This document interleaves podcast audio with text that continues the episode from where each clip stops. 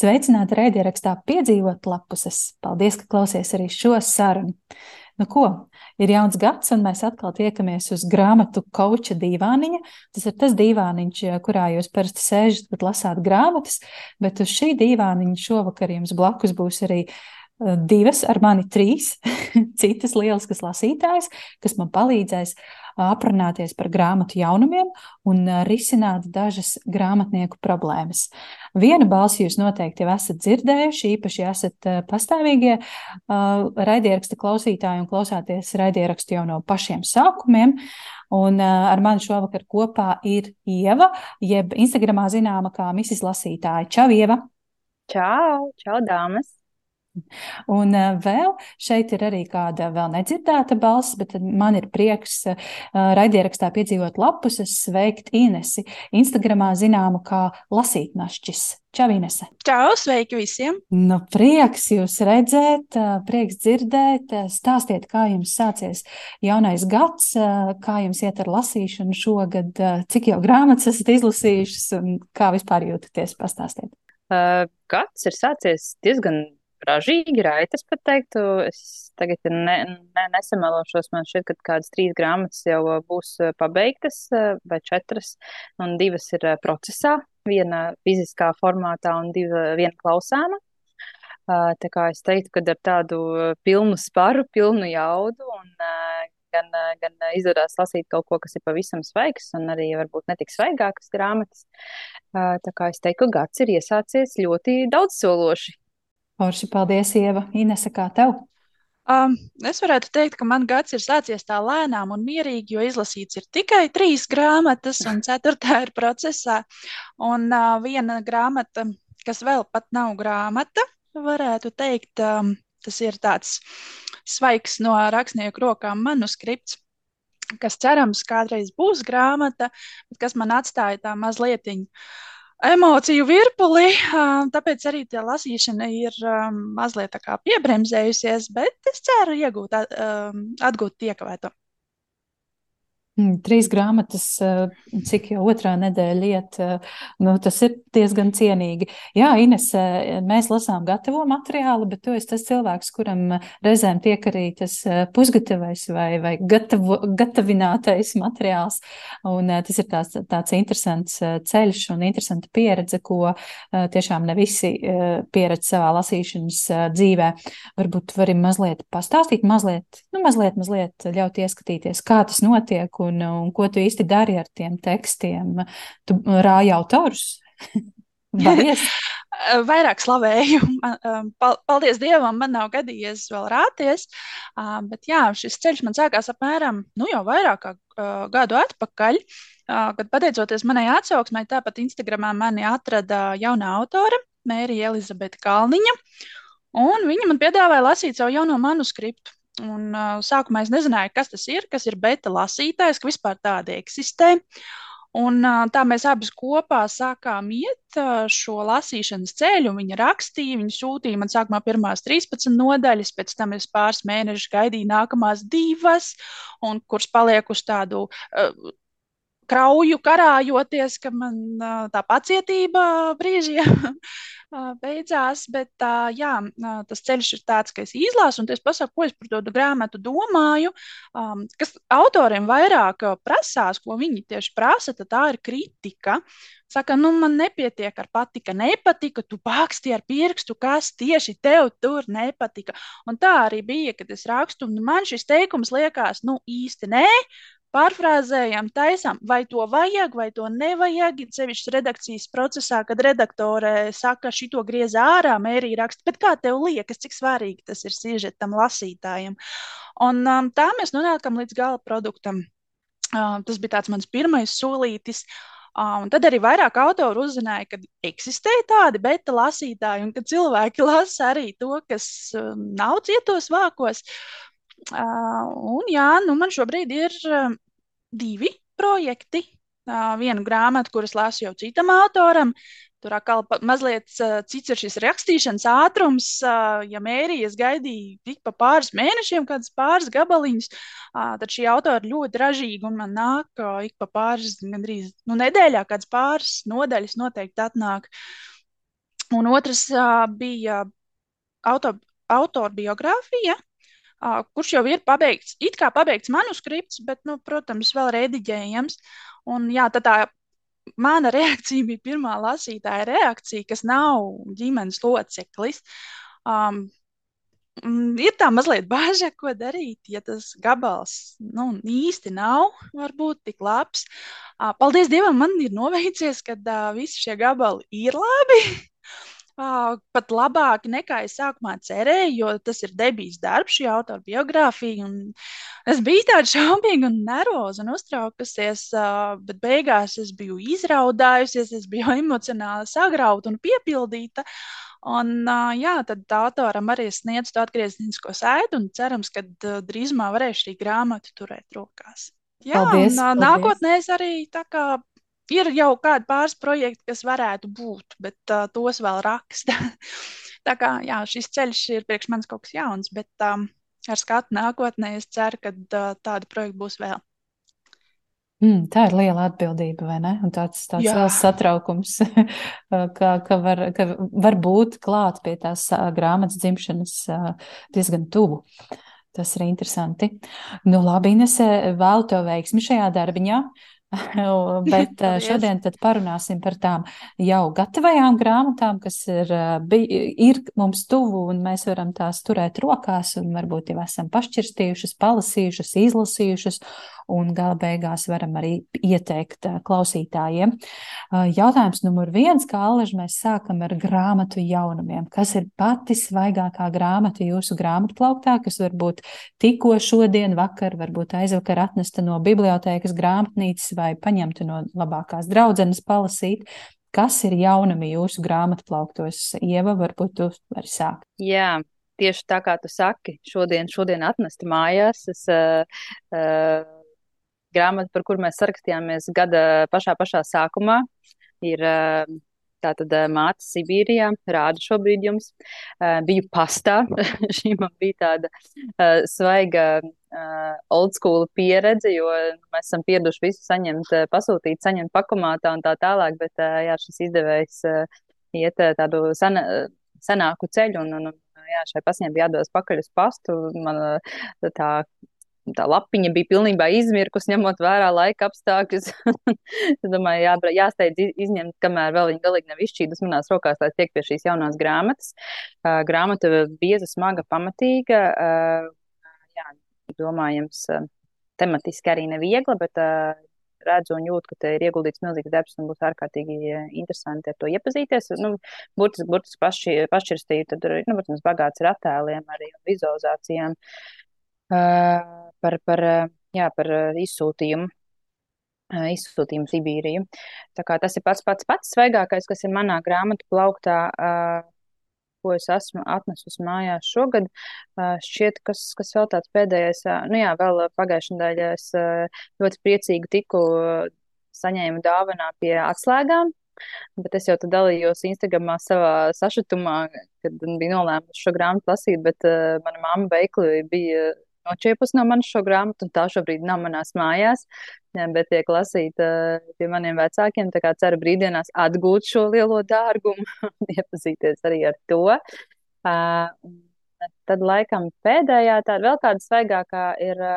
Pēkšņi neatceros autoru, bet uh, grāmata rakstīt, uh, ko Inga Grensberga savukārt bija šķiet tā palicis atmiņā. Jā, jā, bija tā atzīmējusi kā lasīšanas vērtu, un arī vairākus citus lasītājus redzēju atzīmējumu šo kā tādu izlasīšanas vērtu un veiksmīgu darbu, tad to, to, jā, to es uzdāvināju sev caur vīru rokām vārdienā. tā kā jā, tā ir, tās, šīs ir jaunākās grāmatas, kas ir nokļuvušas manā grāmatu plauktā, bet nevienu vēl pagaidām nesmu no šīm jaunajām grāmatām pagūvis izlasīt, kas ir šogad iegūtas. Es ļoti gribu mazu, mazu, varbūt eh, tādu uh, apskatu par mātes Sibīrijā. Es saprotu, ka tu esi pat tikai mazliet pašķirstījusi, bet uh, tur vairāk ir fotomateriāli, tur vairāk ir uh, dokumentālu stāstu, ka, kas, kā, no kā sastāv šī grāmata mazliet, ja tu vari pakomentēt. Jā, nu man izskatās tā, ka tā grāmata ir būvēta, es nevaru teikt ātri atrast saturu, bet tas ir tā kā tiešām vairāki atsevišķi stāsti, uh, kur sākās ar kādu attēlu, kas ir nu, kāda konkrēta sieviete, kas tā tad ir bijusi šī izsūtītā, un tad jau tālāk gan ir stāsts, tā kā vairāk apraksts. Uh, Nu, jā, tāds, es tikai nu, nezinu, vai tas ir viņa paša stāsts, vai tas ir to bērnu stāstījuši. To es vēl nevarēšu nokomentēt. Izskatās, ka varbūt, nu, droši vien kā kurā gadījumā, ja šeit izstāstās parādās bērni, bērnu vārdu, varbūt kaut ko visticamāk, visticamāk tie bērni ir rakstījuši par vecākiem, par, par mamām. Nu, lūk, tā kā, nu, es pat teiktu, nu, uz tā uz ātrumā skatoties, vairāk izskatās, ka tas ir teksta materiāls un uh, attēli ir tāds uh, pavadošs. Nu, Gluži nav tā, ka kad būtu ļoti, ļoti, ļoti izteikti daudz vizuāla materiāla. Līdz ar to tu grāmata diezgan apjomīga. Kopumā tās ir 570 plus lapuses. Izmērā arī gruntīga, bet uh, izstāsta ļoti, ļoti tāds nu, tāds. Nu, var redzēt, ka šis ir tāds sirdsdarbs. Es esmu, neesmu lasījis un vairāk kārt esmu noskatījusies uz uh, Sibīrijas bērniem. Uh, tā ir pamatīga grāmata arī, dzen, jā, tieši tā kā ir rāda. Droši vien ar tādu rokas somiņā ejot, jūties droši, jebkurā, gar, gar jebkuru vārtrūmu ejot. Poferī. nu, zināmā tajos ratiņos, ko velk no tirgus rūtēnajos. Jā. Uh, bet uh, mana māsa teica, ka uh, jā, viņas uh, drauga vecāmai šī grāmata ir. Viņa pati ir um, dzimusi izsūtījumā, un viņai šī grāmata pieder. Tā kā iespējams būs tā iespēja kādā brīdī ar to iepazīties arī vairāk, jo nu, to es tikai tiešām tā esmu noglāstījis garām ejot uh, vai no kādā veikalā vai nu, kādos tirdziņos, kur viņas ir uh, uh, kundzes, viņas šīs grāmatas ir tirgojušas. Bet, jā, nu, var redzēt, ka tas ir tiešām tāds pamatīgs, ilgs, ilga procesa rezultātā tapis darbs.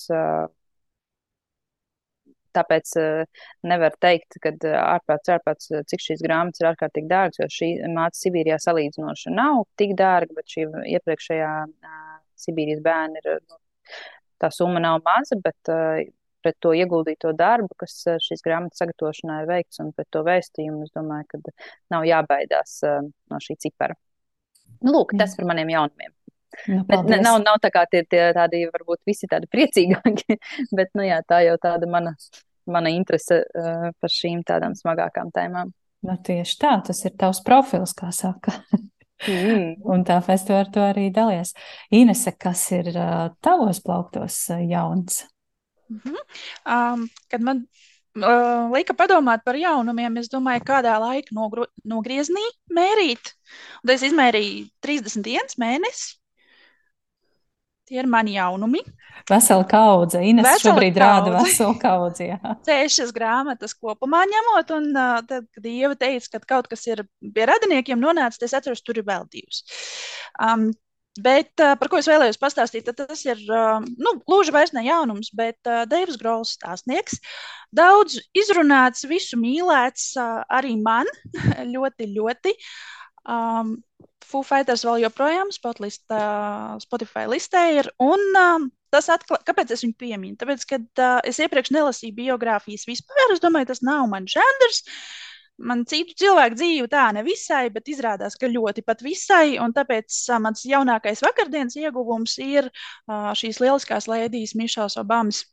Uh, autobiogrāfija izaugt. Um, centīšos pieķerties šomēnes viņai klāt, jo gribās ļoti ātri izlasīt, bet mm, rindiņa ir diezgan liela arī tām grāmatiņām. Uh, citām. Um, tad uh, beidzot es sāku lasīt Petrovs ar gripu. Paldies, Aija!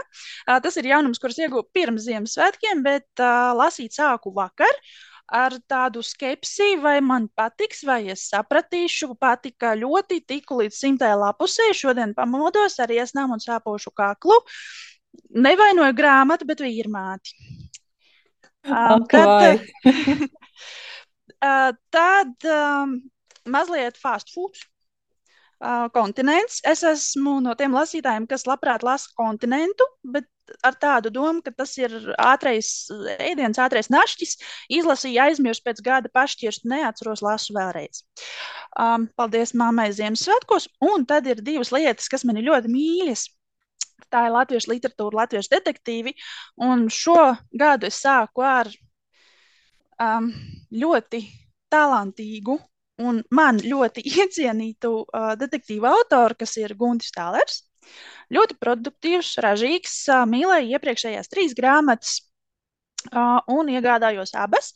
Šī ir mazā 200 lapu viena vakara romāns, grēksūdzes noslēpums par tādu lauku dzīvi. Tas vairs nav mazpilsētas detektīvs, tie ir dziļi lauki. Ļoti interesants, ļoti kolorīts mācītājs.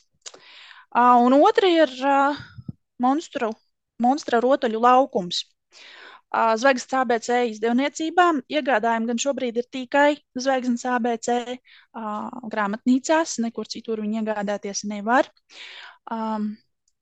Bet arī detektīvs, kurš man sākumā likās nu, nebūs varbūt tik labs kā pēdējais klients un visi pārējie, jo kaut kur likās tāds mazliet amatierisks nosaukums.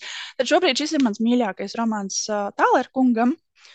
Tāds uh, mazliet tumšs, mazliet tāds mm, pilsētniecisks, varētu teikt, uh, un uh, sižets ir līdzīgs kā uh, apartmentu Parīzē folijai viena māja, daudz kaimiņi, un viņi tur viens otru tur aizdomās. Un viena urķīga meitene, kas izmeklē noziegumus. Iesaku, ka vēl ļoti interesanti likās, zvaigznē nav redzēts, kad ir zīmējums iekšā. Šeit ir mājas plāns, apkārtnes plāns uz aizmugurējā vāka. Mazliet spoiler alert, jo es izlasīju, ka novāks cilvēku grāmatas otrajā pusē. Jā. Es uzzināju, ka viņi ir līķis nevajadzēja skatīties. Un iekšpusē arī ir attiecīgi nodaļām ir uh, bildes līdzīgas kā bija ar ekoloģu zīmējumos, uh, bet šīs ir fotogrāfijas no, no tukuma, un, piemēram, šī ir man mīļākā, tāds drūms šķūnis. Nodaļa saucās Bulciņš, kas ir žurciņa, kas šķūnītī ņēma nelabu galu. Spoilers atkal. Uh, bet tā noskaņiski, kad ieraugam šķūni, tad kaut kas notiks. Un brīžiem bija tā, ka man mazliet tirpiņš skrēja, un īstenībā šo arī nosauktu par vienu vakaru romānu, jo gulēt nevar aiziet, kamēr nav izlasīts. Lūk, tā ir mana jaunumu čupiņa. Iesaku no. Nu. Nu, baigi, labi, tu visu izstāstīji. Uh, nu, man pilnīgi interese radās par Guntu Tāleru. Man ir interesants stāsts par Guntu Tāleru. Es, man sanāca decembrī būt vienā pasākumā, kur bija uh, Guntis Tālers un bija arī zvaigznes vadītāja Vieka Ilblaka, viņa man tagad gandrīz aiz rokas ņem un iet iepazīstināt ar šo te autoru. Un, un tu saka, baigi, labais detektīvu autors, ļoti labs. Un, un es redzu, viņš tā samulsis jūtas, un es samulsis jūtos, jo es detektīvu detektīvus nelasu vispār necik. Un, un uh, es biju dzirdējusi šo autoru kaut kur, kaut kad, bet nu, tas nav tas pirmais, kas man nāk prātā, domājot par detektīviem, vispār latviešu literatūru. Bet jā, mēs iepazināmies, un, un viņš ir ļoti patīkams kungs, tāds mierīgs un vispār ne, neizskatās nemaz krimināls. Aija, kā es tevi šobrīd apskaužu, jo es zinu, liekas, ka es esmu tāda grib... maza grūpija autoriem, kas ieraug savu mīļāko autoru. Man ir tā, ka man slavenības es mierīgi varu prezidentam paiet garām, bet es ieraugu autoru, es sarakstu un bālēju un nevaru piet un trīc kā žēlēja. Uh, tad jā, tālē ir kunga autogrāfu, es noteikti gribētu dzīvē saņemt, klātienē ieraudzīt un pateikt, cik ļoti man viņa romāni iet pie sirds. Super, tas ir skaisti. Es, es virzu visas domas kosmosā, lai, tas, lai tev tas izdodas. Huh, mans uh, grāmatu plaukta jaunums ir uh, Dzintara Tilaka grāmatas Latas ceļš, kuru es jau šodien sāku lasīt, un droši vien tad, kad šī sērija iznāks, būšu jau izlasījusi un visticamāk uzrakstījusi arī kaut kādas savas pārdomas. Grāmata ir par meiteni Zlatu, Ukraiņu meiteni Zlatu, un uh, sākas karš Ukrainā, un uh, viņa bēg no mājām, jo, jo Krievi iebrūk viņas mājās, viņas pilsētā, un viss ir slikti, kā jau jūs nojaušat, bet darbs ir ļoti realistisks. Tā, tā kā tas arī bija, es pieņemu, ka tas tā arī bija, un lasot šo, šo stāstu, man ļoti nāk prātā visas tās sajūtas, visi tie notikumi, kas, kas, ko mēs pieredzējām. Uh, un kuriem mēs sakojām līdzi, tad, kad karš bija sācies, šie pirmie mēneši bija īpaši dramatiski. Tas, šī grāmata ļoti atsauca to laiku prātā. Tas ļoti emocionāli. Tā kā es šobrīd varu ieteikt Zlatas ceļu. Es ceru, ka es tā jutīšos arī līdz grāmatas beigām. Tas ir mans svaigākais jaunums. Lūk, tā. Bet ko jūs tikko, tikko esat izlasījušas? Kas ir tā grāmata, kurai šorīt vai vakar vakarā esat aizvērušas vākus, par kuru varbūt vēl domājat? Ieva? Tas, ko es tikko, tikko izlasīju, nu, es esmu aizvērusi, bet esmu atvērusi jau citus vākus.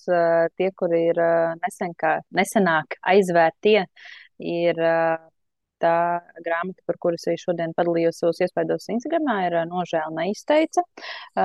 To, Tomija Kinuena grāmata.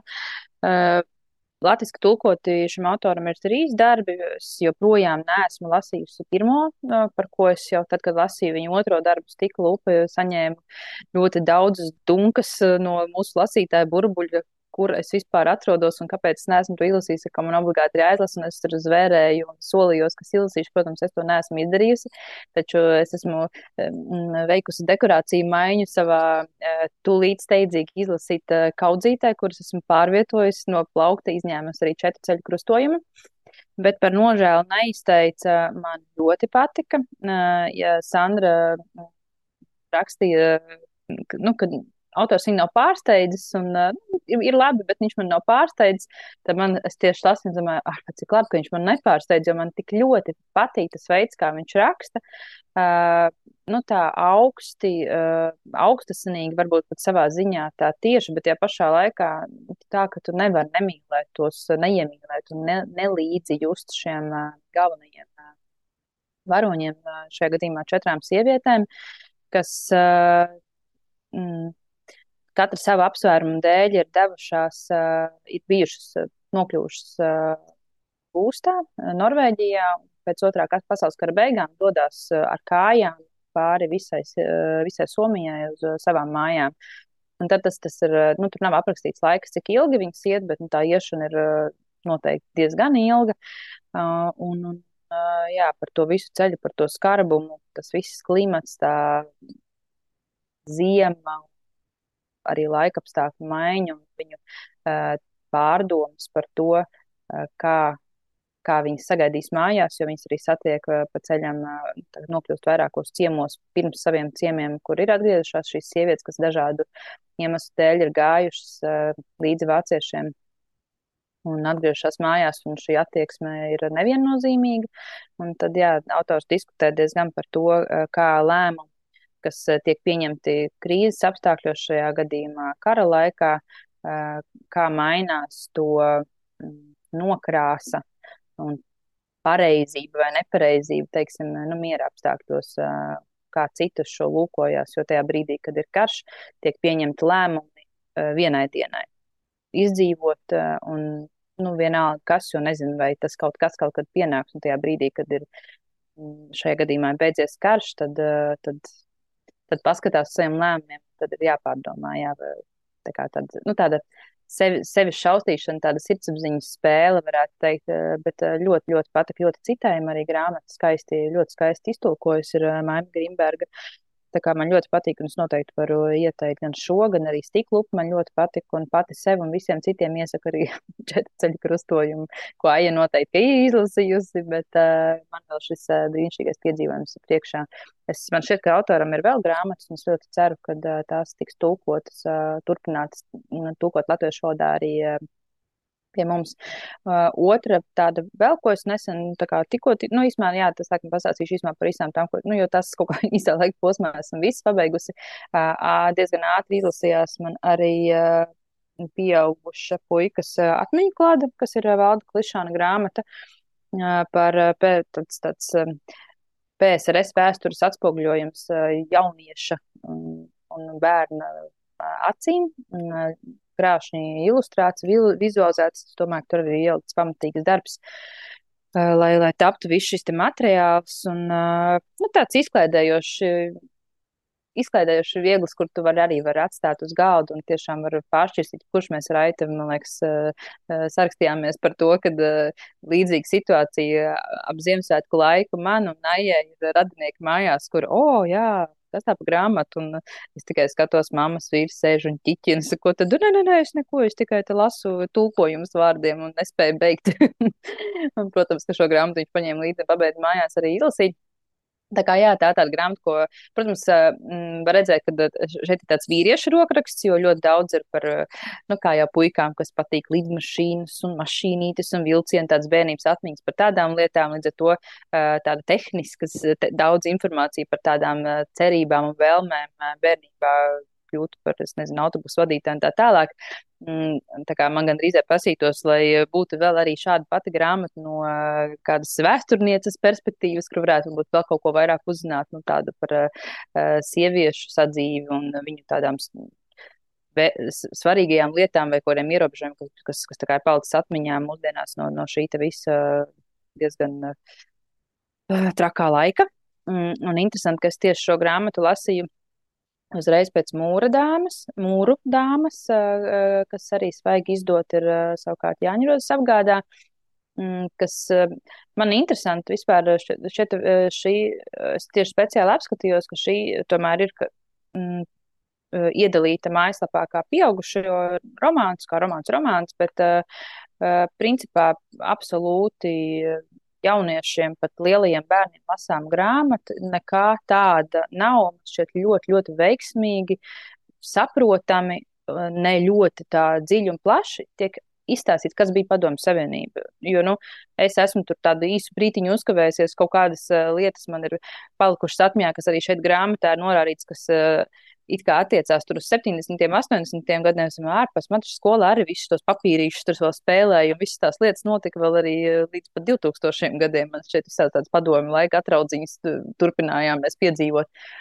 Un, eh, jā, un savukārt mūra dāma tā ļoti, eh, es negribētu lietot vārdu vienkārši, bet tā, tā maigi e, pamudina izzināt vairāk par to, e, kas tad notika Padomu Savienībā. Un, e, es piekrītu, man šeit Aija arī bija pieminējusi, vai, vai, vai kāds par, par to, ka šī, man liekas, ļoti, ļoti vērtīga grāmata priekš latviešiem, latviešu jauniešiem, kas nedzīvo Latvijā, lai raisītu interesi par, par vēsturi Latvijas.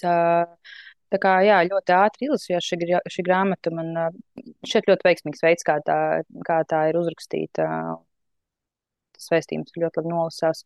Un tad uh, grāmata, par ko es vēl arī dzēru, neesmu padalījusies savās pārdomās, ir Melnzelmji. Pareizi bija nosaukums, jā. Uh, es joprojām par šo grāmatu domāju. uh, tā ir grāmata jauniešiem. Uh, man, uh, man, man patika, ļoti, ļoti patika tā noskaņa. Es vēl neesmu tādas galam noformulējis, jo man ļoti liek domāt par, ši, par šo grāmatu, šīs grāmatas atvērtās beigas, uh, kas, un šīs atvērtās beigas liek apšaubīt visu grāmatu, kuru gribās vēlreiz izlasīt un uh, kā, mēģināt atšķirt, kas tur īsti noticis. Un šī grāmata man ļoti uh, jau no paša sākuma atgādināja tādu filmu, uh, es zinu, ko tu izdarīji pagājušajā vasarā, man šeit tā viņa sauc, jo tur, nu, tā noskaņiski līdzīgs no rīta, nu, tā kā ir kaut kas noticis, nu, tā kā nespailošu, var sakot, ir gadījums un uh, ir, visiem ir noslēpumi. Tie ir jaunieši un tad, uh, jā, kā tas viss tiek šķetināts tāds. Mm, patumšs, bet nu, noskaņas man ļoti, ļoti patika šis gabals. Es nevaru saprast, vai man patika beigas, bet uh, grāmata man patika ļoti, ļoti. nu, lūk, tās laikam ir tās svaigākās pēdējās aizvērtās lapas, kuras ir sākušas nogulsnēties un devušas vietu jauniem piedzīvojumiem. Jā, es māju ar galvu, ka es laikam esmu sev noformulējusi, ka man melnzelmju beigas nepatika. Man ļoti patika grāmata līdz beigām. Un tās beigas man pilnībā izsita no līdzsvara, un es nesapratu, kāpēc to visu tik ļoti vajadzēja sarežģīt. Jā, un es kaut kā nespēju, nespēju to sagramot un sasaistīt ar pārējo tekstu, bet jā, lieliski uzrakstīta noskaņa un šīs jauniešu attiecības, tā pirmā mīlestība, visas pirmās reizes, skūpsti, glāsti un viss pārējais, tas bija tik ļoti gaumīgi un tik, nu, to bija patīkami lasīt, nebija tā neveiklā sajūta bieži vien jauniešu grāmatas lasot. Mm, šis bija, jā, labs jauniešu gabals, tās beigas, nu, kas tur notika īsti? Bet, uh, Ieva, vēl komentējot uh, tavu vēlmi pēc uh, sieviešu redzējuma par padomu laikiem, es iesaku pašķirstīt Māra Zandera šo grāmatu sēriju, un viņam ir viena no, man liekas, tā ir arī pēdējā sērijā padomju laiku Latvija, kaut kas ir vēl garāks, laikam, nosaukums. Un tur ir interesanti, tur ir interesanti nodaļa par virtuvi un par, par, par tādām lietām, par ēst gatavošanu. Es atvainojos, ka to piesaistu sievietēm, bet tas bija arī apskatīts. Man liekas, ka to arī apskata sieviete vēsturniece atbildušiem Māra Zandara jautājumiem.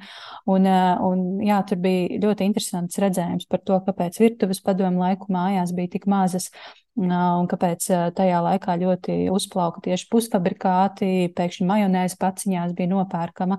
Par to visu lasiet grāmatā, ļoti labi viss izskaidrots. Man bija daudz pārsteigumu, man bija daudz interesantu visādu faktu. Un, kā vērtīga sērija, un es zinu, kā Minorija turpinās arī šo sēriju, un nākamajā gadā vēl divas tiks izdotas. Tu domā par... šajā gadā vai, vai šajā, šajā, mm -hmm. šajā 23. es nezinu, kuru, kuru nākamo gadu es biju iedomājusies, ja es domāju par šo gadu. Es laikam vēl neesmu pārslēgusies. Jā, nu tā. jo, jo šīm, šīm grāmatām, šai grāmatai es kā reiz arī pēc tava viena no ierakstiem pievērsu uzmanību, un tā ir manā tādā tuvā redzeslokā un šo es lūkojos, jo, jā, man šeit ļoti tā varētu būt tiešām interesanti un par tām lietām, par kādiem atklājumiem. Un, nu, protams, es tagad jau vairs neatceros visu šo grāmatu, ko klišānu, ko es nu pat pieminēju, pieaugušā puikas atmiņu klāda, bet tur tik daudz lietas, kas arī šķiet, nu, it kā to ar prātu, to es tā kaut kur tā saprast, bet tā izskaidrot, pieņemsim elementāri, ja tu lasīji par multfilmu, nu, Zaids pagaģi, Un, nu, tā kā liekas, nu, skaidrs, jā, nu, tur labais tēls, sliktais tēls, un tad, tad, tad pēkšņi, kad, kad tur viss to izstāsta, ka tas vilks ir speciāli veidots kā ļaunais hipijs, kurš nepakļaujas padomju varai, kā riebeklis, kā alkoholiķis un smēķētājs, bet labais zaķīts pionieris taču cīnās un ir tik, nu, tāds pareizs. Mēs esam ārprāts, nabaga bērni, taču no, vienkārši no dzimšanas tiek barot ar pilnīgāko propagandu, tikai nu, iepakota kaut kādā nosacīta, saprotamā veidā par tām pašām tur košanēm, kuras ir ja tik aizliegtas un tāda ļaunuma sakne un, nezinu, tur vispār L zemes virsū. Bet kaut kādā brīdī pēkšņi parādās labās padomju košļienas, un tad tomēr košļienas nemaz nav tik sliktas. Lūdzu, košļājiet. Dažādi, dažādas tādas lietas, kas, tā kā, nu, protams, tagad pasaties šķiet komiskas, nu, noteikti tajā laikā, es nezinu, vai daudziem nāca smieklīgi par šīm te absurdajām lietām, bet, uh, jā, šeit arī ļoti daudz uh, tiešām interesantas uh, informācijas un dažādi fakti, kas Daudz kas, protams, ir dzirdēts un lasīts, un vecāki ir stāstījuši, vai vecāki ir stāstījuši, bet ļoti daudz lietas nopietni nāprāts. Jā, padomju laiku košanas, no nu, es joprojām dzīvoju bailēs no rīta košana, jo mamma teica, ka man aizlips dibens. Par savām pēdējām lapusēm es jau pastāstīju jaunuma sadaļā, jo lielāko daļu jaunums es kā dabūnu savos nagos, tā vēru vaļā. Tāpēc es atgriežos mazliet senākā pagātnē, ap jauno gadu. Principā jau kopš Ziemassvētkiem es cenšos ieiet tādā Ziemassvētku noskaņojumā un lasu grāmatas par ziemu, Ziemassvētkiem un tam līdzīgi. Viss, kur darbība notiek ziemā. Um, ar to izņēmumu, kad uh, ap jauno gadu es sapratu, ka beidzās bibliotekas nodošanas termiņš manam nabaga pirātam, un tad uh, par to es neko neminēju. Tad, um, ja, jā, jā, jā, ievad tā pati. Man gan nav ko parādīt, es viņu aiznesu divās dienās apēdu. Un uh, sakoļā izspļāvu, un vēl joprojām nesaprotu, ko man īsti par to padomāt. Um, jo sāku lasīt uh, ar tādu, nu, tas ir krimiķis, uh, tas ir trilleris, kā visi saka. Uh, un pie kaut kādas astotās nodaļas uh, es sēdēju un domāju, ak, Dievs, kas tas par sviestu, ko man ar šito darīt? Atājusi Instagramu, vienas piecas zvaigznes, vēl viens ģīpst. Um, speciāli neskatījos Grensbergs un uh, Dārtas uh, sarunu, tirzāšanu, nekādus spoilerus. Apgriežos, ieju gudrīzā, un tur arī ir ļoti labas atsauksmes. Es domāju, vai tiešām es kaut ko nesaprotu. Uh, turpināju lasīt. Uh, Un tad mazliet piedomāju un ievilku elpu, un jo vairāk es lasīju, jo vairāk es sāku uztvert to simbolismu, jo vairāk es padomāju par to, ko ir tieši domājis uh, autors. Jā, bet tas ir labais. Un, un tad uh, tur viens dabū pa galvu, un otrs ir augsts. Tad, uh, protams, aizgāju, jo man gribējās zināt, ar ko tas viss beidzās. Un tad, kad es tās 500 lapus aizvēru, tad es ilgi sēdēju un domāju, tā, kā lai noformulē šo, man patika, man patika. Cik ļoti man patika, nu, grūti pateikt. Nu, tas sviests jau var, var patikt. Un, Uh, jā, nu beigās es sapratu, ka no manis arī ir piecas zvaigznes, tāpēc, ka grāmata ir meistarīga, tur ir tik daudz alegorijas uz alegorijām un dažādas hiperbolas un salīdzinājumu. Un ir jāiebrauc visā tajā domā aiz šīs grāmatas uh, un mazliet arī jāpadomā pašam. Jā, man patika, un ak, mans nabaga pirātu vēl joprojām esi dzīves. Um, jā, tiešām man patika. Uh, iepriekš uh, pirātam, varbūt man tāpēc tas pirāts likās, ai, kāds sviests, jo es pirms tam izlasīju Danuts Butrims uh, Vilkazeru, kas likās tāds viegls romāniņš. Ziemā, sniegs, vilki, visi tur mīļi un, un, un cilvēki tādas attiecības. Tāds viegls, romantisks romāns. Līdz es nonācu pie beigām, un arī nesapratu, kāpēc tādas beigas, jo it kā viss gāja tā, kā būtu jāiet happy end, un beigās nav happy end. Un es sēdēju un domāju, kāpēc? Bet kāpēc? Bet kāpēc? Un um, es laikam izdomāju vienu variantu, kāpēc. Uh, bet par to, lai tad autors, uh, tas paliek autora ziņā, jo man tās beigas pārsteidz un mazliet tāda tā, tā negatīvisma piegārša. Nu, kaut kur mazliet man tā sāls trāpījās, tā, tā, tā darba tajā mēnesis mucā. Uh, un pēc tam pirāts, un tad man tas jaunais gads pagāja tādā nesaprašanā mazliet. Bet, jā, un iepriekš arī Ziemassvētku romāniņi īstenībā pat varu parādīt. Jā, jā, jā, jā, suņu patruļai šļūts. Uh, 24 labie darbi, uh, globusā man pārdevēja uzreiz, ah, sveiki, reku, mums ir izpārdošanas grāmata nedēļas uh, akcija. Es teicu, nu, dodiet šurp, ko jūs metat. Viņi saka, man ir tikai divas. Es saku, nu, bet, protams, nu, kā es atstāšu veikalā, nāc mājās kopā ar mani. Man ļoti patika, mammai bija garlaicīgi. Uh, tāds romantiskais Ziemassvētku stāsts. Un tās mans pēdējās lapus. Nu, skaisti. Man patīk, Ines, kā tu runā par grāmatām. Tādu pilnīgi tādu aizrautību. Es, tu man, tu man droši drīkst pārtraukt, jo par grāmatām es varu runāt neapstājoties. Nē, nu, es nepārtraukšu. Man vajag materiālu raidierakstam. Varbūt vēl diviem senāks priekš, nē, nē, es jokoju. Tiešām paldies, ka jūs dalāties, Ieva un Ines, ar saviem piedzīvojumiem. Man ir komentārs par pirātu, jo es, man šķiet, paliku, paliku tajā fāzē, un es nepārgāju tajā nokaitināšanās fāzē, un es nepārkāpu robežai. Es biju tas sliktais cilvēks, kas ielika šai grāmatai trīs zvaigznes gudrīdā, un es, es Es nesaprotu, es nesaprotu, par ko tur jūsmot. Es domāju, ja, ja arī tev šī grāmata noteikti patiks, tas nevarēja tikt pāri sajūtai, ka mani čakarē speciāli, ka mani speciāli čakarē ar to filozofiju, ka visu laiku mm, dzēn prom no tās takas izmeklēšanas. Un, ai, es biju ļoti, ļoti dusmīgs lasītājs, bet es nenoliedzu um, Jurģa Liepnieka uh, prāta spējas, tā teikt. Uh, man tas bija tāds uh, negluži pār, pārsteigums. Uh, jā, man pārsteidz, cik ļoti filozofisks viņš ir, cik ļoti viņš prot. Uh, Kā viņš parāda savas zināšanas par pasaules kultūru, par latviešu kultūru, par, par literatūru kopumā, par filozofiju, par, par visu ko. Uh, Jā, nu, un tad tās beigas, kuras mēs tagad neteiksim ievai, jo viņa vēl lasa.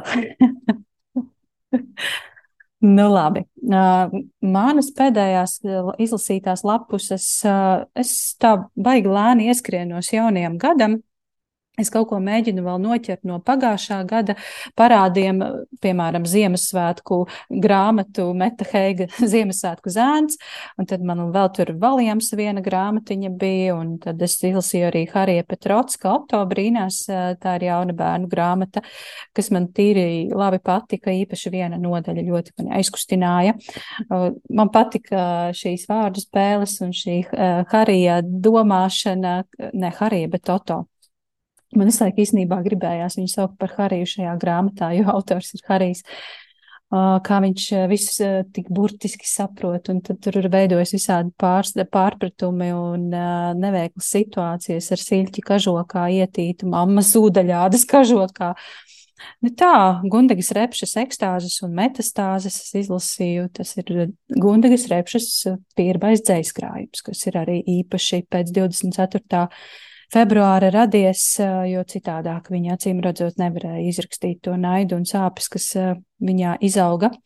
Daudz visa kā, tādi mazi krikumiņi, es teiktu tā, mm, bet nekas tāds pagaidām vēl īpaši izceļams nav.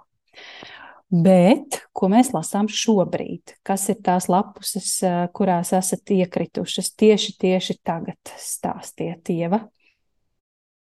Jā, nu kā jau mēs te visi noskaidrojām, es šobrīd esmu iekritusi pirātā.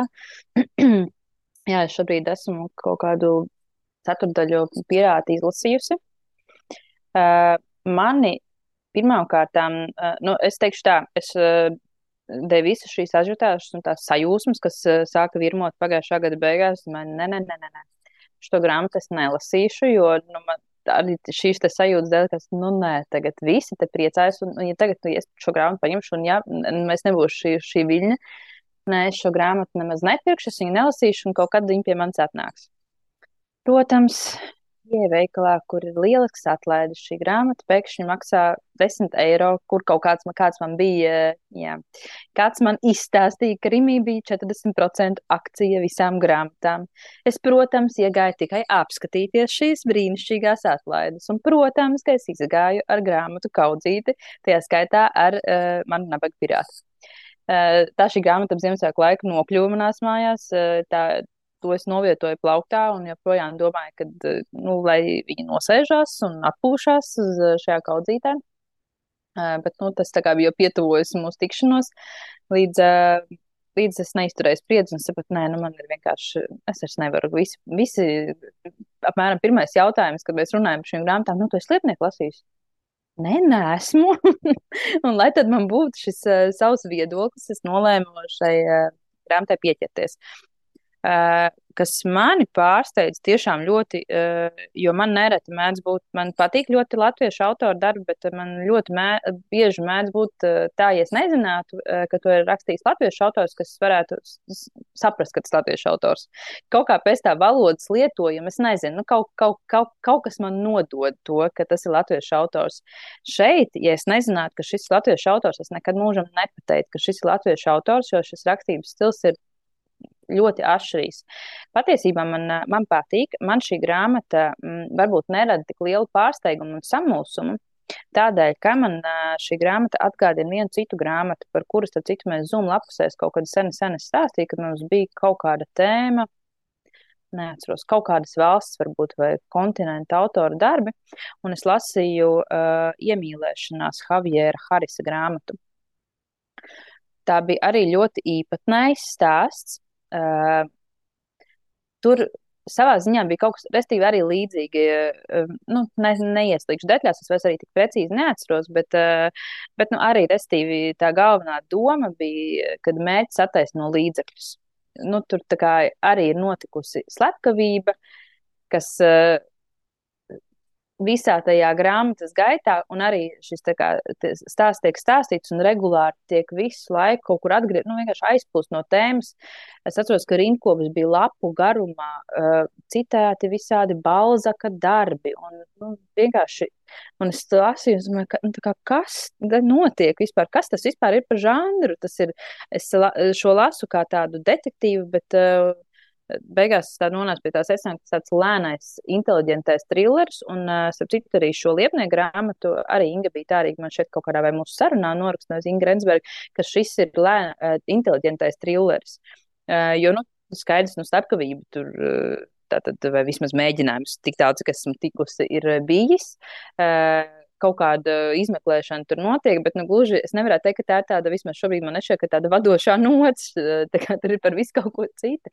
Uh, bet noskaņiski ļoti līdzīgi šai grāmatai, līdz ar to mani nepārsteidz, un es tagad tādu interesi, nu, negluži ar popkornu rokās uh, sekoju līdzi, bet, nu, apmēram tā, jo man ir ļoti interesanti, pie kā tas man aizdīs, jo arī tā šī grāmatu iemīlēšanās, par ko es minēju. Nu, ļoti interesanti. Līdz pašām grāmatas beigām īsti nevarēja saprast, kā, what's the point, kur, kas, kas notiek, kas, kas notiek šī galvenā, viena no galveno varoņu galvā, uh, galvā un kur, kur tas vispār mūs aizvedīs. Ja tajā brīdī toreiz atceros to grāmatu ilusiju, es domāju, nezinu, knaps trīs zvaigznes, kaut kas jocīgs. Bet ir pagājuši divi gadi, es par šo grāmatu joprojām piedomāju, es neatceros precīzi sižetu. Un, Nu, es droši vien, es nezinu, jāapsās, varbūt gudrīdos, cik es tur galu beigās ieliku tās zvaigznes, bet, bet nu, kaut kāda tāda spēcīga pēcgarša palika un arī tā, tā, tā apspēlēšana par to, kas ir pareizi, kas nav pareizi un, un par nu, līdzīgu jautājumu. Faktiski tiek apspēlēti arī, kā, vismaz tik daudz, cik es esmu tikusi Lietnieku grāmatā, līdzīgi jautājumi par, par morāli, varētu tā teikt, tādām lietām. Lūk, tā ir viena grāmata, kurā es smieklus, un pēc tam lasās ļoti viegli, jo sākumā arī bažījos, domāju, ārprāts, cik bieza viņa ir, ja vēl viņa tāda jocīga, kā tagad te ies, bet ļoti viegli lasās. Man ļoti patīk, es kādam jau šodien teicu, man ļoti patīk lapas, ir tik tādas patīkamas iesējums ļoti grāmatai. Mm, jo es nu, neteiktu, ka esmu ļoti liels mīksto vāku grāmatas cienītājs, bet šeit ir ļoti, ļoti patīkams. Viss cits iesējums un lapas man ļoti atsver mīkstos vākus, kurus man bailes apbražāt. Tas ir par šo grāmatu. Tad paralēli es klausos grāmatu, kuras jau gribēju noklausīties pagājušajā ziemā, jo man reizēm ir tāda vēlme klau, klausīties vai lasīt kaut ko noskaņisku, tādā ziņā atbilstošu gada laikam vai svētkiem, nu vismaz kaut ko. Tā gada beigās es izlasīju lielisko Getsbiju, kas man šķita tāds spožs līdz beigās. Es sapratu, ka tas spožums ir tik ļoti Nu, lai gan jau pēc filmas to varēja nojaust, bet uh, grāmatā vēl jau vairāk tas spožums ir ārkārtīgi virspusējs. Uh, un, uh, savukārt, tagad es klausos Kristīnas Hannas, uh, kas ir uh, latviešu tulkoto grāmatu Lakstīgala, Četri vēji un Baltā nekuriena autore, viņas grāmatu Winter Garden. Mm, Latvijas šī nav izdota, klausos audio grāmatu angļu valodā. Mm, Nācos ar kaut ko mēs arī diskutējam, to, ka šī, eh, jo man no Kristīnas Kanas patreiz joprojām vismīļākā ir Lakstīgā, man ļoti, ļoti patīk šī grāmata, es par to joprojām piedomāju, un es noteikti to kaut kad lasīšu vēl. Uh, un uh, mums bija diskusija, ka, kā lakstī, ka Winter Garden varētu būt arī pārspēja lakstīgā. Nu, patreiz esmu kādos 70% noklausījusies. Es nevarētu teikt, ka uh, man šī šķiet emocionāli spēcīgāk nekā lakstīgala.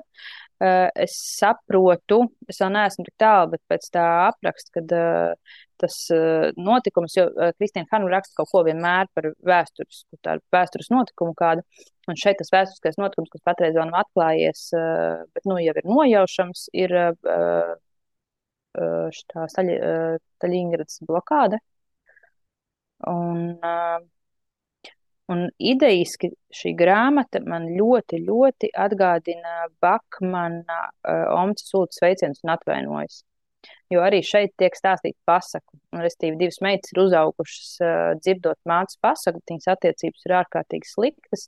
Uh, un vienīgais labais, ko šīs jau pieaugušās meitas, sievietes atceras, ir, ka māte stāstīja pasaku par kādu brīnumainu karaļu valsti, kur bija skaistas ziemas. Un tad, uh, nu, pie, uh, iestāties dažiem apstākļiem šajā jau pieaugušā vecumā, mm, māte atsāk stāstīt šo pasaku. Nezinu, vēl tā kā nav, nav vēl tas uh, kulminācija nav bijusi. Ir interesanti, bet, uh, nu, lakstīgala manā, uh, manā tajā tādā atvilknīšu sistēmā, manā, manā plauktiņu izcilās grāmatas, viņa vēl pagaidām šī grāmata vēl nesniedzās līdz lakstīgalai. Bet tā grāmata ir interesanta. Un pa, pamazām vēl es skrubinu uh, grāmatu perspektīvu, ko es jau sāku lasīt, uh, skrubināt par stāstiem pagājušā gada beigās. Tā ir um, uh, latviešu autors Lindas Īstenas uh, grāmata. Uh, par šo grāmatu vispār man šķiet, ka es, protams, to šobrīd vēl tikai lasu uh, citus, citu atbildes uh, un pašas autors atbildes uz viņas uzdotiem jautājumiem, bet man ir tāds mērķis, kurus ceru kādreiz īstenot, kad es gribētu ļoti godīgi, ja mums bija iespēja arī Amarās grāmatu klubā satikt autoru, un uh, viņa pats sacīja, ka viņai svarīgi atbildēt ļoti godīgi uz šiem jautājumiem pašai. Un uh, ka tikai tā, ka tu esi pats pret sevi godīgs, tikai nu, tad tu vari uzrakstīt tādas īstas, protams, atbildes. Un, un, un, un, Es gribētu visiem jautājumiem pati sev godīgi uzrakstīt atbildes, bet nu, tā, tur tāda bišķiņa vēl ir jānobriestam un, uh, un gan jātod uh, fiziski laiks, gan arī dažos, dažos jautājumos droši vien arī drosme godīgi atbildēt uz dažiem no jautājumiem. Ļoti, ļoti, ļoti skaista grāmata un veiksmīgs, manuprāt, veiksmīgs darbs, iepriekš neredzēts. Nu, lūk, tas ir tas, ko es patreiz, kā mēs esam pievērsušies šobrīd.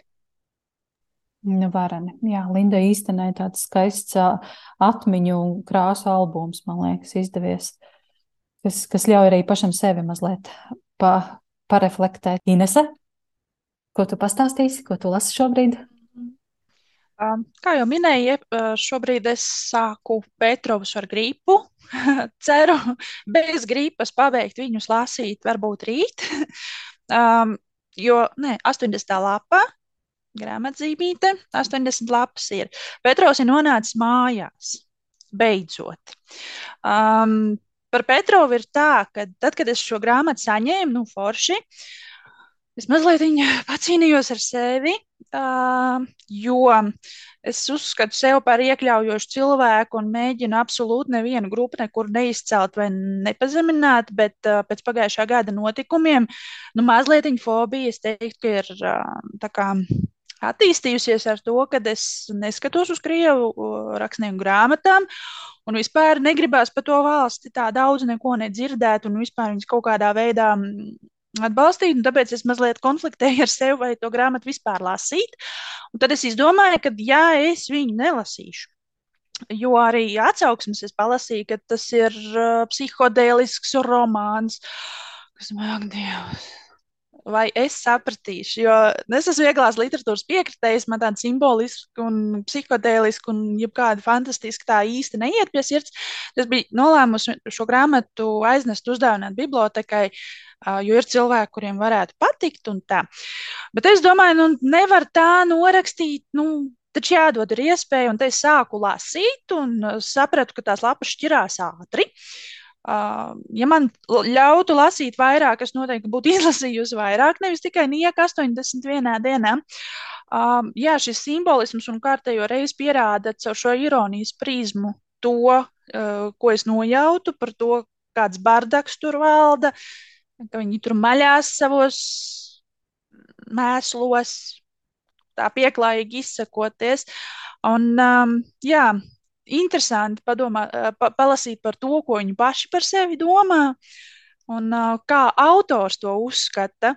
Um, interesanti, kā autoram klājās šobrīd šajā valstī pie teikuma, ka Putinu vajadzētu pie sēdes nolikt pie, pie sienas. Ja.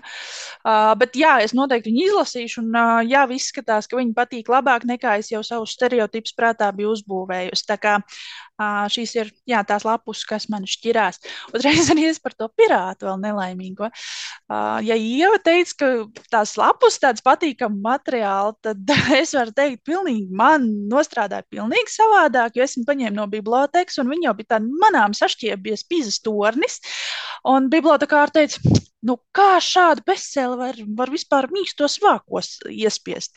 Piedāvām ar līmētām lapām. Nu, es saku, jā, nu tur kāds viņu ir enerģiski locījis. Viņi saka, nē, pirms tevis divi cilvēki tika izlasījuši. Es saku, kā tā grāmata būs pēc pusgada? Eh, viņa atmeta roku. Un, uh, jā, nu, tādā ziņā man nepatīk šie mīkstie vāki. Viņi bija pārāk mīksti, viņi tur locījās. Tas materiāls tāds ciets, tās lapas šķīrās, un man brīžiem bija bail tā enerģiski viņu pāršķirt to lapu, ka viņi neizkrīt ārā no tā iepakojuma, tāpēc ne, vizuāli man viņi galīgi nē. Piedod, kas tev pārtrauc, bet tas man liek visu laiku domāt. Es pieļauju domu, ka Aija varbūt arī iedomājās šo grāmatu, un es joprojām, nu, tā kā domāju, kā tas var būt, ka grāmata, kura joprojām ir katru man šķiet mēnesi eh, pie pārdotākajām grāmatām ir eh, šajos vākos. Es tiešām es gribētu redzēt kādu bibliotekas eksemplāru kalendārs man sauc, jo es, es, es vienkārši apbrīnoju. Es, t, t, šis ir viens no iemesliem, laikam, kādēļ man šīs grāmatas gribās nopirkt un atstāt sev, jo šādu grāmatu man, es pat nezinu, vai man būtu pēc uh, desmitā vai piecpadsmitā lasītāja bauda lasīt, jo šī grāmatas pieļauj, ka varētu neizskatīties. Varbūt, varbūt tā ir redzējusi kalendārs, man sauc pēc 15 izlasītiem, 15 lasījumiem, kāda šī grāmata izskatās. Nu, vairs noteikti netik svaiga. Noteikti netik svaiga, jā. Bet uh, mūsu bibliotēkā vismaz uh, mums ir grāmatu labotāji, tas grāmatas pirms izdošanas lasītājiem apstrādā. Nu, nu, novelk, apvelk vāciņus ar tādu speciālu līmplēvi, un viņi vairs nav tādi pavisam papīra, kas, kas tiešām izjūg un apskrat, apskrat visi tie stūrīši un tā krāsa nāk nost. Tā kā nav tik traki, bet, nu, protams, būtu daudz labāk, ja tie būtu cietie vāki. Jā. Um, es savā lauku bibliotekā redzēju nesen kalendārus mani sauc. Viņi nav iespējams, man liekas, rokās paņemt, jo viņi nu, ir trausmīgā stāvoklī. Um, Diemžēl tāds mīnusīns bibliotekā, jo viņi nav viņu aplīmējuši vai jebkādi mēģinājuši saglabāt, jo viņi izskatās nu dikti bēdīgi, tā kā kāds suns būtu pakožļājis. Nu, um, jūka pa lapām ārā, kā tas laikam arī ir no tiem eksemplāriem, kur ir jānopērk pašam un jālasa. Pilnīgi noteikti, jā. Ines, vai tev vēl kaut kas piebilstams ir par to, ko tu lasi šobrīd, vai tu jau visu pastāstīji? Uh, nē, laikam tas ir viss. Ir skaidrs.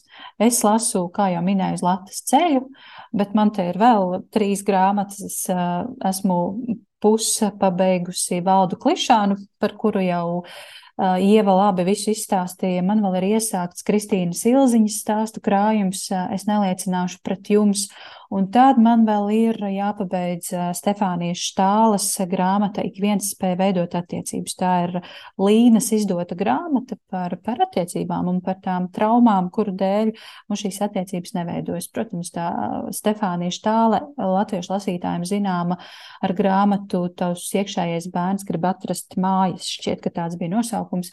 Un viņai šī iekšējā bērna tēma, tā ir tā, caur kuru viņa skatās arī citas problēmas, un tad viņa arī šo attiecību problēmu un, un tās klasiskās nesaskaņas risina caur iekšējā bērna traumu. Tad tur jā, viņi stāsta par tiem visiem variantiem, kā mēs veidojam un kā mēs kļūdāmies attiecībās, un par to, ka ik viens tomēr var kaut ko darīt un, un saglābt nelaimīgas laulības. Gluži nē, bet, bet jā, ir, ir iespējas visiem, ja mēs dziedājam to iekšējo bērnu. Lūk, tā. Tas ir tas, ko es lasu. Nu, un tad uh, viens ieteikums uh, no jums, uh, ko jūs ieteiktu klausītājiem izlasīt no pēdējā laikā lasīta, varbūt pēdējā pusgadā lasīta. Jā, nu, tā viena grāmata, ko jūs iesakāt, es varbūt nojaušu ievas ieteikumu. Jā, past, pastāstiet. Nu, es biju nokoncentrējies uz pēdējā, pēdējā, ņemot vērā to, kas lasu gan daudz, man nu, labi, no pēdējā divu mēnešu grāmatām. Bet eh, tā, ko tu nojaut no senākām, jā, noteikti es iesaku eh, joprojām visiem. Un šī grāmata nav pie manis, tā ir aizdusies pie maniem draugiem, Čau Baiba Kristap, kur arī ir sākuši kļūt par grāmatu atkarīgajiem. Un eh, tā ir internāts.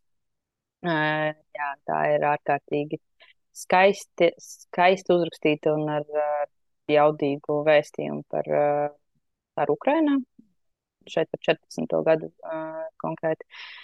Uh, tā ir. Uh, nu, to vienkārši ir jāizlasa, to nevar izstāstīt. Tas veids, man joprojām, es vai ar kādām jau šo stāstu, droši vien, kad arī stāstījusi, ka šī ir grāmata, kuru man reizēm bija nērti, ka man šī grāmata tik ļoti patīk, jo tas, tas tās šausmas, visas, kas tiek aprakstītas, ir diezgan baisas un biedējošas, bet veids, kā autors to ir spējis uzrakstīt tik dzīvi, ka mm, šeit tiešām tur dažas bija elpas, itās iet skrien, skrienot līdi. Man, man draudzens vīrs arī saka, nu, tā, kad viņi bēg ar to mašīnu, man tāds jūtas, ka man pilnīgi pulss ir uzkāpis. Es nevaru, es tā kā esmu līdzās ar viņiem tajā taksī. Nu, kad jā, ļoti, ļoti dzīve, ļoti uh, skaisti uzrakstīta grāmata. Tā ir no tādām highlightiem, teiksim, pēdējā pusgadā izlasītajām, bet tādām pavisam svaigām es noteikti tur ieteiktu grāmatu, ko es nu pat arī sarunas sākumā aprakstīju, nožēl neizteica. Arī māja ceļš man ļoti patika, zvaigznes izdotais un audio grāmata, kas, manuprāt, jau drusīgi kļūst populāra arī tiem, kas klausās audio grāmatas Latvijā, ir I'm glad my mom died par tādām bērnības traumām, kādai jaunai aktrisei par to, kā, nu, restīvi, viņas mātes uh, nepiepildītie sapņi uh, tika mēģināti projicēt uz uh, savu bērnu. Un, uh, nu, loģiski tas viss ir ciets ārkārtīgi lielu neveiksmu, un šī jaunā sieviete ir ļoti, ļoti nelaimīga. Un viņas, nu, tas nav spoiler alert, jo to, tas ir man šeit arī pašā grāmatā sapratā rakstīts. Šī māte ir slimojusi ar vēzi un arī pie tā apelēja nepārtraukti. Nu, ļoti tāda viegli arī uzrakstīt. Patiesībā jau autorē ir izcila melnā, izcila melnā humora izjūta. Tas humors ir brīnišķīgs, bet nu, tematiski diezgan šausminoši, ko vecāki var nodarīt saviem bērniem. Tā kā šīs tādas, nu, ko es varētu izcelt, neizplūstot vēl ļoti daudzās grāmatās, kuras ieteikt visiem izlasīt. Jā, tas stāstīja par internātu, un es uzreiz atcerējos mūsu sākuma sarunas motīvu par autoriem, kuru klātbūtnē var sarkt un bālēt. Man izdevās redzēt klātienē dzīvē Serhiju Žadanu. Nu, Tur es arī sarku un bālēju. Es skatījos uz viņu, klausījos viņā, un es sarakstos ar Sandru un, un Zani. Es, es esmu telpā, kur ir Serhijas Žadans. Viņš man raksta, nofotografējies ar viņu. Es saku, es nevaru, es tā nevaru. Viņš bija diskusijā, un tikko kā diskusija beidzās, viņam burtiski aplipa cilvēki apkārt, un tur, tur nebija reāli pieiet viņam klāt, bet uh, tas bija arī tāds zvaigžņu mirklis. Jā, tā grūti uzreiz atsaukt atmiņā ko ieteikt no pusgada grāmatām.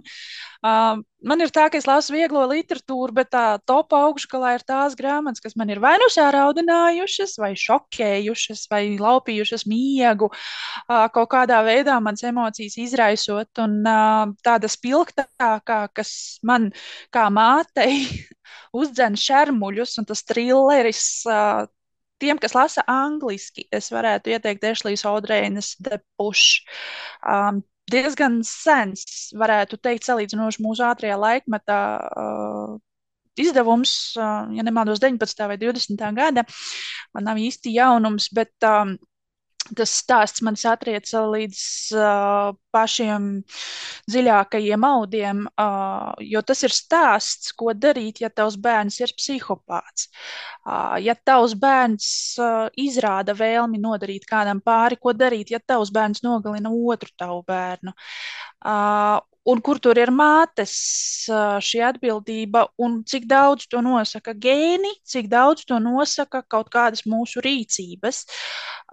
Ļoti skaudrs, šokējošs stāsts, vēl joprojām tirpiņas skrien pat runājot par to.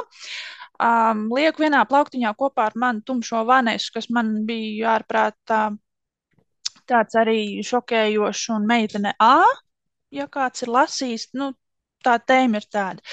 Um, no mūsu pašu latviešu atkal par to sarkšanu un bālēšanu man tā sanāca ar um, mūsu jauko Grensbergu, uh, Ingu, jo viņa man likās vienmēr tāda sieviete, tāda ļoti eleganta un uh, tāda, tāda lēdija.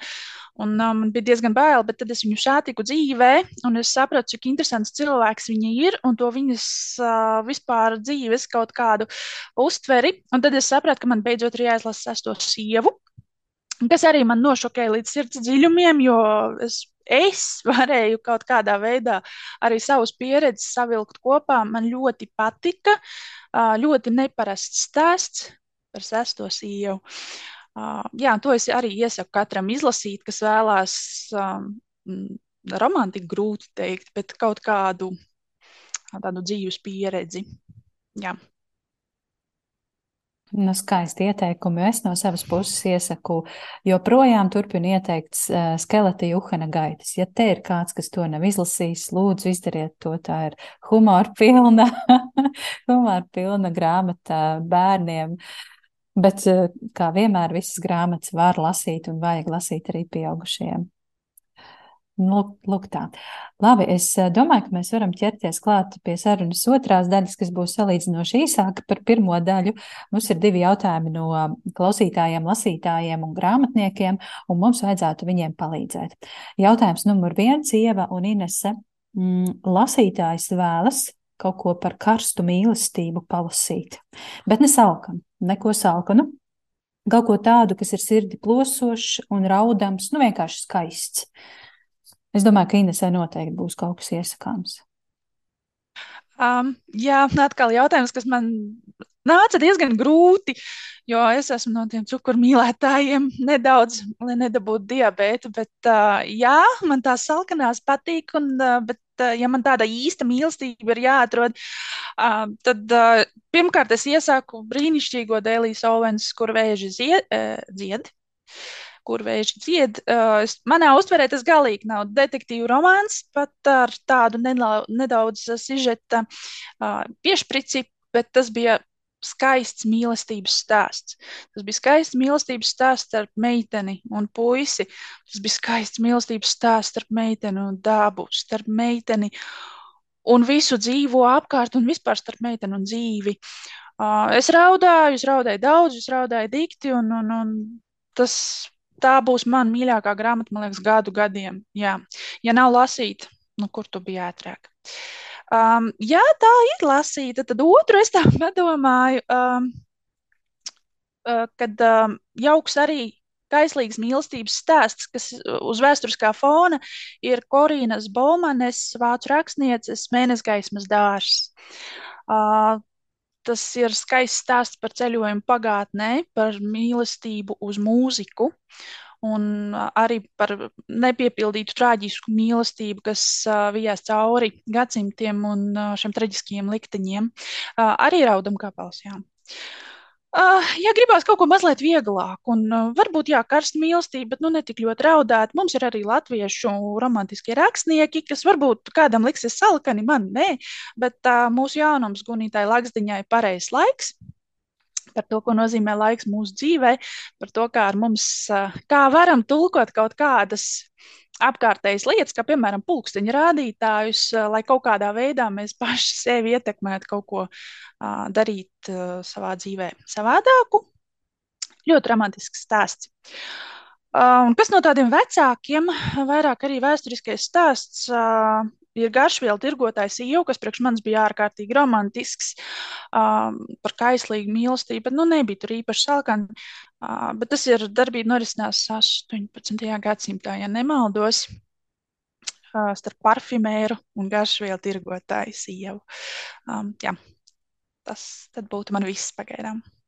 Nu, super, lieliski. Ieva, tu laikam gribēji piebilst kaut ko par vēžiem. Lūdzu, nešaustiet mani, es neesmu lasījusi, un es jau regulāri no Sandras saņemu rājienus. Piedodiet. Bet man ir, nav tas īstenībā nav mans attaisnojums, bet es nesen uzzināju, ka iespējams Dēlija Ovens rakstīja par sevi, un viņa ir vainojama patiesībā šajā slepkavībā. Tas ir stāsts viņas dzīves. viņa ir krimināla noziedzniece. Uh, Ieva? Wow, jā, tiešām. Es neko tādu nebiju lasījusi. Uh, Ja es tikai, nu, kāpēc te vicinājos, jo jā, šī, šī bija arī viena no tām grāmatām, ko es uh, ieliku savā sarakstā. Es un Salkani uh, nav, nav vienlīdzības zīme, jo es tiešām ļoti, ļoti maz lasu tādas um, ļoti saldas grāmatas. Tikai tad, ja tās nejauši kļūst saldas, un es nebiju zinājis, ka tās būs saldas, tad es tādas esmu izlasījusi. Bet es, uh, jā, vairāk lasu tieši tādus, kas ir, kur ir šī mīlestība, bet nu, kur nekas nav vienkārši un kur ir jāraud, kur ir uh, smagums uh, līdz šim stāstam. Uh, jā, kur vēža dzied bija viena no šīm grāmatām, kas vienāds prātā, tad no tādām, es vienkārši gāju pustālu cauri savam Instagram un mēģināju saprast, kas tās, kas ir palikušas tādas atmiņā ar to tādu mīlestības stāstu tematiku tā, kas nebija Instagramā, bet kur es esmu lasījis vairāk kārt. Man šķiet, ka nu, arī, ja šo kāds nav izlasījis, steidziet lasīt, ir jau nu, noteikti jūsu dzīves laikā varējāt to izdarīt ar vējiem līdzi, kas ir ļoti kaislas, pilns un emociju bagāts mīlestības vēstures, vēsturisko notikumu fona. Ļoti raudams arī. Dan Jā, tāds paskatījums laikam atbilstošs. Tad ir Volkevičs, manis jau miljonus reizes pieminētā pļauka, tetraloģija, tieši autori, kas ir viņas vienīgais darbs, četri, četras grāmatas, tā arī sauc pļauka no 1 līdz 4. Tas nav klasisks mīlestības stāsts, tas ir tāds, bet, nu, tā kā šis pāris ir kopā, visu šīs, te, visu šo, šo, šo te grāmatu laiku, visu šo daļu, un šīs daļas ir tādas ap Viņam ir tūkstoši lapām, visas divi, divi tūkstoši lapām, visas četras kopā.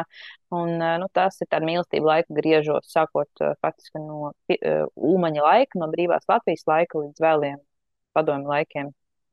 Kā varēja, varēja notikt šī mīlestība un kā tas uh, kā dzīve viņus ir izplosījusi, izplūnījusi un kā viņiem ir veicies ļoti, ļoti skaists stāsts. Tad man atmiņā, par ko es par šo grāmatu sen esmu šeit nevienu vārdu teikusi, ir mm, tāds nenoticis mīlestības stāsts grāmata Dreimanas vēstule ar pielikumu.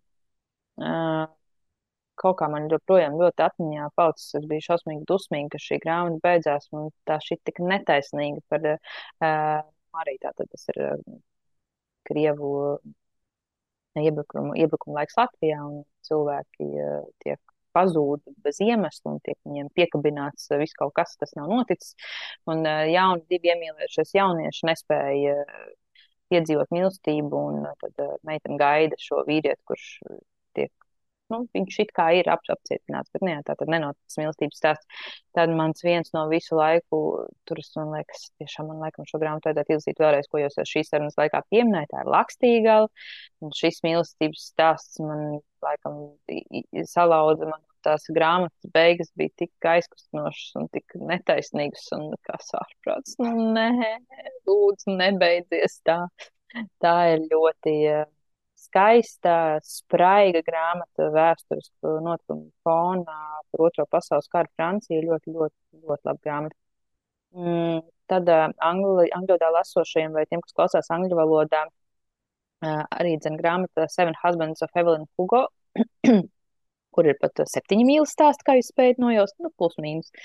Uh, par uh, man šeit ļoti liela daļa no tiem, kas ir lasījuši vai klausījušies šo grāmatu, dzirdēsiet to, ka uh, katrs var būt, vai katrs otrais meklē, kas ir Evelina Hugo, un ir ļoti pārsteigta, ka šāda sieviete neeksistē, jo uh, jā, tas ir autors izdomāts tēls, gan, gan esot vēsturē tomēr balstīts uz kādu Holivudas dīvas dzīvi, bet jā, šī, šis tēls ir izdomāts un ļoti Tātad šī sieviete ir aktrise Holivudā un kād, kād, kādas mīlestības viņa piedzīvo un kas tad ir tā viņas īstā mīlestība. Ļoti arī skaists uh, paskaturs, arī drusciņi, bet ļoti, ļoti interesants stāsts.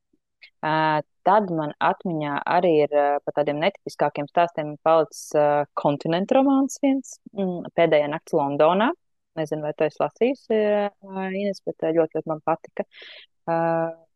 Jā, par arī otrais pasaules karš, par tur tāda spiegošana iepīta, un tur ir ārkārtīgi spraiga sižeta līnija arī dzen, jā, par, par tādu bišķiņu citādāku mīlestības stāstu, bet neko vairāk īpaši nestāstīšu, lai nespoilotu.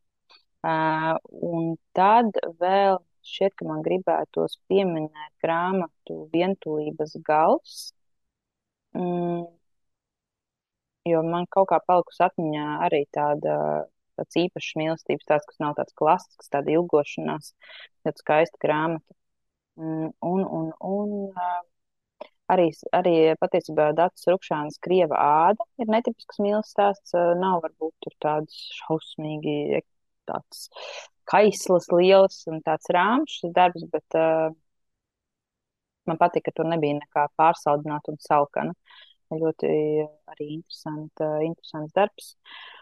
Un, un, un, lai gan tā nebija tāda dominējošā sižeta līnija, man ļoti aizkustināja arī mīlestības stāsts grāmatā Svaigs ūdens puķēm.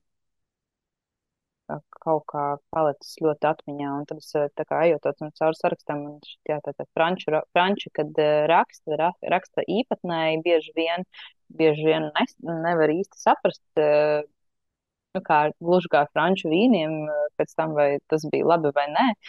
Eh, bet, ehm, bet šī grāmata vispār pēc būtības ir viena no pagājušā gada absolūti labākajām grāmatām. Sadalīja, eksplodēja, eksplodēja smadzenēs un sirdī, bet jā, Franči māca rakstīt tādus nepārsaldinātus mīlestības stāstus, es gribētu teikt. Tā kā iesaku lūkoties franču virzienā. es arī tieši mans, mans ieteikums no manas puses ir franču autore Anna Gavalda. Viņai ir ļoti, manuprāt, ļoti skaisti romāni. Būt kopā un viss. Vēl arī man ļoti patika romāns Mierinošās. It kā šķietami nu, nekā tur nav, bet tad vienā brīdī ir tik liels emociju vilnis un tāds liels gaišums un uh, tad forša laba sajūta par to, kas tur ir rakstīts. Un tieši par mīlestību viņai izdodas ļoti labi rakstīt, vismaz man. Bet es zinu, ka Annu Gavaldu dažādi uztver lasītāji. Tas tiešām laikam ir gaumas jautājums ar tiem frančiem, varbūt dažādi. Uh, Nu, lūk, tā tad es domāju, ka mēs esam palīdzējuši šajā situācijā. Es ceru, ka klausītājiem, lasītājiem, grāmatniekam, kas uzdeva šo jautājumu, būs ko lasīt kādu laiku. Nu, un tad otrs jautājums ir lūgums pēc kādas motivējošas biogrāfijas grāmatas. Man uzreiz gan nāk prātā kāda motivācija vai kam motivācija ir vajadzīga. Jo tā grāmata, par kuru es iedomājos, piemēram, mani motivēja skriet Haruki Murakami. Gan arī vienīgā grāmata, ko es no šī autora esmu lasījusi, ir viņa pieredzes stāsts par skriešanu. Es tagad tā ātrumā neatceros nosaukumu tā mani motivēja uzvilkt skriešanas botas un skriet. Uh, bet, jā, kam tad īsti un, un uh, kādam nolūkam šo motivāciju vajag? Bet kas jums nāca prātā, domājot par šo jautājumu? Nu, man sanāk, ka vienīgā biogrāfija, kuras es izlasīju, bija ārkārtīgi motivējoša. Uh, es atkal pieminu Deivu Grolu. Uh, stāstnieks tas ir lielisks uh, stāsts, es pat teiktu, piemineklis saviem sapņiem par to, uh, par to motivāciju sasniegt savus sapņus, piepildīt tos savus sapņus, dzīvot tam savam sapnim. Pat ja tas liekas nereāli, pat ja tas liekas kaut kas.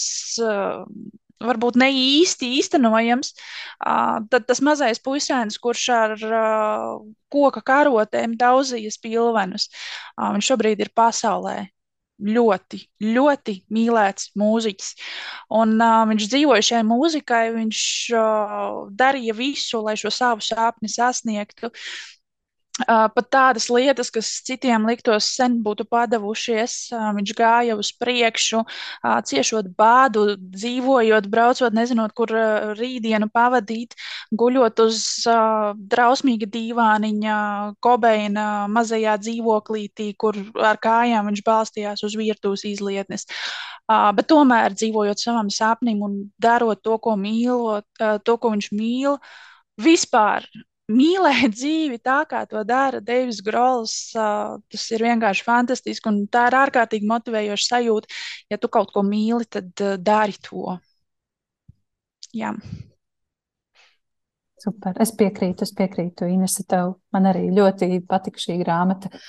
Un tā, tā iedeva tādu apjausmu, tieši par to, ko tu teici. Ja tu kaut ko mīli, un ja tu mīli to, ko tu dari, tad kosmos kaut kā dīvainā veidā saslēdzas un notiek neticamas un aizraujošas lietas.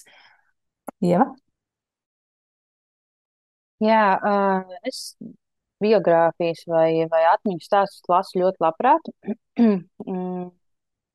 Un, jā, man arī bija līdzīgs jautājums, kam tieši ka, šī grāmata būtu paredzēta kā, kā motivēšanai. Bet uh, tomēr bez viss tā, ka jebkurš uh, holokausta izdzīvošanas vai Sibīrijas izsūtījuma izdzīvošanas stāsts ir uh, motivējošs, uh, nečīkstēt un izciest, teiksim, Covid uh, mājasēdi ne, skaļi nebļaujot, cik mēs esam šausmīgi ierobežoti un cik mums ir slikti un mūs iznīcina. Un, šis, šī, tajā laikā ar daudziem, kas uh, atļāvās uh, čīkstēt, teica, nu, kā, nu, nopietni, nu, paskatieties vēsturē, par ko mēs šobrīd satraucamies. Uh, Nu, tā kā vienkārši sadodamies rokās un pasēžam mājās, un mēs būsim brīvi varēsim darboties, eh, bet cilvēkiem eh, vēstures, eh, vēstures laika griežot nav bijis iespējams. Bet divas grāmatas, ko es gribētu izcelt no biogrāfijām, kas ir ārkārtīgi motivējošas. Viena no tām būs holokausta izdzīvošanas stāsts, kas ir Edītas Segeras grāmata, iz, grāmata izvēle. Es to vēl klausījos angļu valodā, ka tā nebija pieejama latviešu, viņas pašas ierunāt. Man šķiet, tā bija ārkārtīgi jaudīga, absolūti neticami. Eh, Edīte faktiski tika eh, amerikāņu karēvis, viņa faktiski ar salauztu muguru izvilka no līķu kaudzes eh, brīdī, kad atbrīvoja vienu no pēdējām gūstekņu nometnēm Vācijā. Un šī sieviete, protams, bija ārkārtīgi traumēta.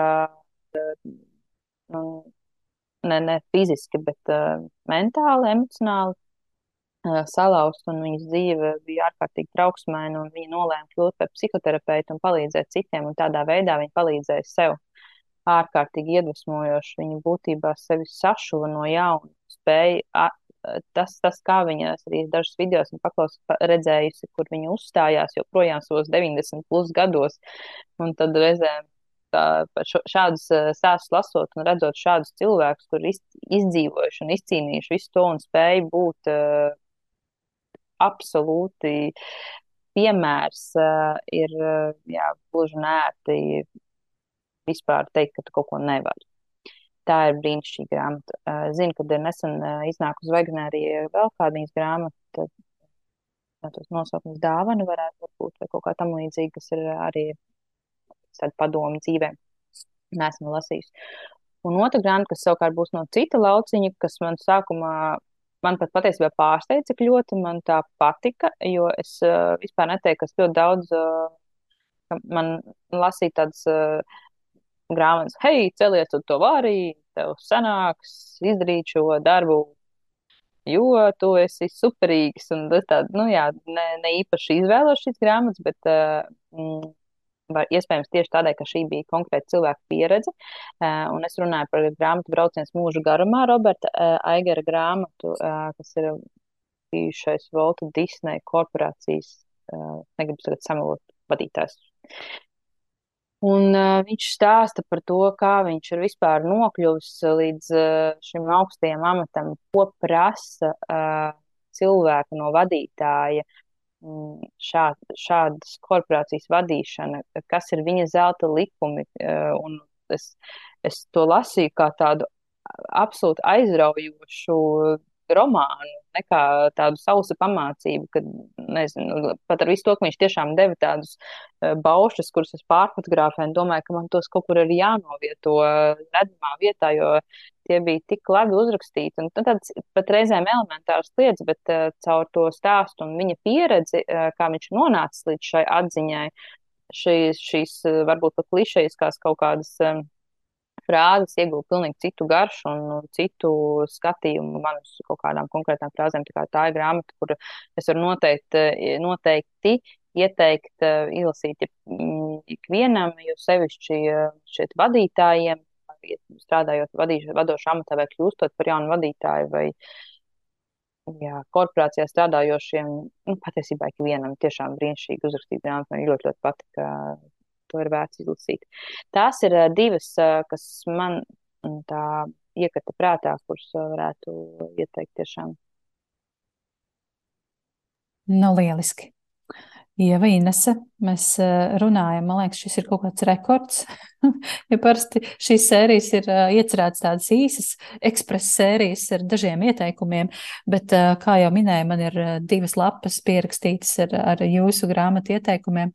Milzīgs paldies jums par, eh, par šo sarunu un par eh, grāmatu mīlestību un aizrautību, ko es domāju, ka viens dzirdēja jūsu balsīs. Eh, un, ja nu kāds sūdzas, ka nav ko lasīt, lūdzu noklausieties vēlreiz šo sarunu vai citas grāmatu koču sarunas. Šeit ir ļoti daudz ieteikumu. Paldies jums abām! Paldies, liels par Paldies. iespēju viesoties vēlreiz pie tevis aicinu vēl. un par grāmatām parunāt vienmēr liels. Jā, Jā, pievienošos. Liels paldies! Šī man ir pirmā pieredze jebkādā veidā raidierakstā un vispār par grāmatām. Es, man liekas, varu runāt mūžīgi. Um, jā, lieliski pieredze, lielisks vakars. Lieliski. Paldies vēlreiz, un paldies arī klausītājiem. Un mēs tiekamies citās lapusēs. Atā!